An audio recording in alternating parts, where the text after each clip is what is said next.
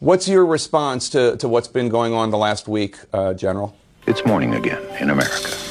Good morning, folks. Please, please. Come on, let's go. Let's go get some coffee. Thank you very much.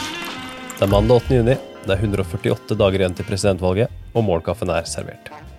Aller først, Joe Biden reiser til Houston, Texas i dag for å besøke familien til George Floyd, ifølge New York Times. Han kommer til å spille inn en videobeskjed til Floyds begravelse på tirsdag. Og Mitt Romney, mann som stilte mot Barack Obama i 2012, og som kom med en advarsel mot eh, Donald Trump i 2016-valgkampen, marsjerte i går mot Det hvite hus sammen med andre demonstranter. Kan høre litt hva han hadde å si her. violence and brutality and to make sure that people understand that Black Lives Matter. Dagens første sak, Colin Powell vil stemme på Biden, som han gjorde på Obama og Clinton. Colin Powell føyer seg nå inn i rekken av tidligere toppsjefer i det amerikanske forsvaret, som aktivt taler Trump imot. Trumps tidligere stabssjef i Det hvite hus, John Kelly, og Trumps tidligere forsvarsminister Jim Mattis uttalte i forrige uke at Donald Trump ikke gjør noe forsøk på å forene befolkningen i kjølvannet av drapet på George Floyd. Nå uttrykker George W. Bush sin første utenriksminister at han kommer til å stemme på Joe Biden i november. I'm very close to Joe Biden on a social matter and on a political matter. I've worked with him for 35, 40 years, and he is now the candidate, and I will be voting for him. Her er det viktig å påpeke at republikaneren Powell stemte på Barack Obama i 2008 og 2012, og på Hillary Clinton framfor Donald Trump i 2016. Det er dermed ikke veldig overraskende, men som du hører i klippet her, så er det imidlertid ikke bare Trump han kritiserer, men også hans egne partifellers taushet. I never would have used with any of the four presidents I've worked for. He lies. He lies about things. And he gets away with it because people will not hold him accountable. And so while we're watching him, we need to watch our Congress. I watched the senators heading into the chamber the other day after all this broke, with a reporter saying, What do you have to say? What do you have to say? They had nothing to say. They would not react. And so we're not a country of just a president.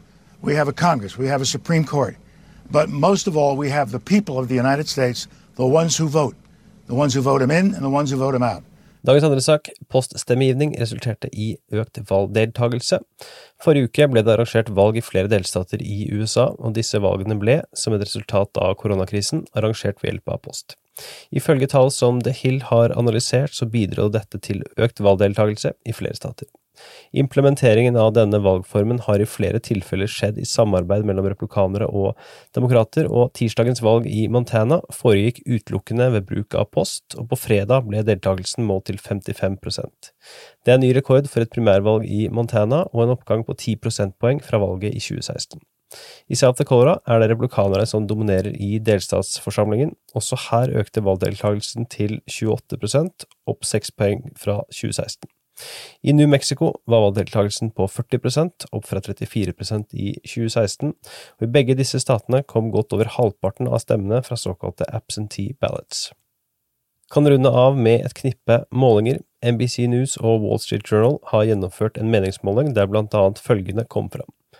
Åtte av ti amerikanere er nå av den oppfatning at ting er ute av kontroll i USA. Trusselen fra koronaviruset, de økonomiske utsiktene og Trumps manglende evne til å forene nasjonen trekkes fram som de fremste årsakene.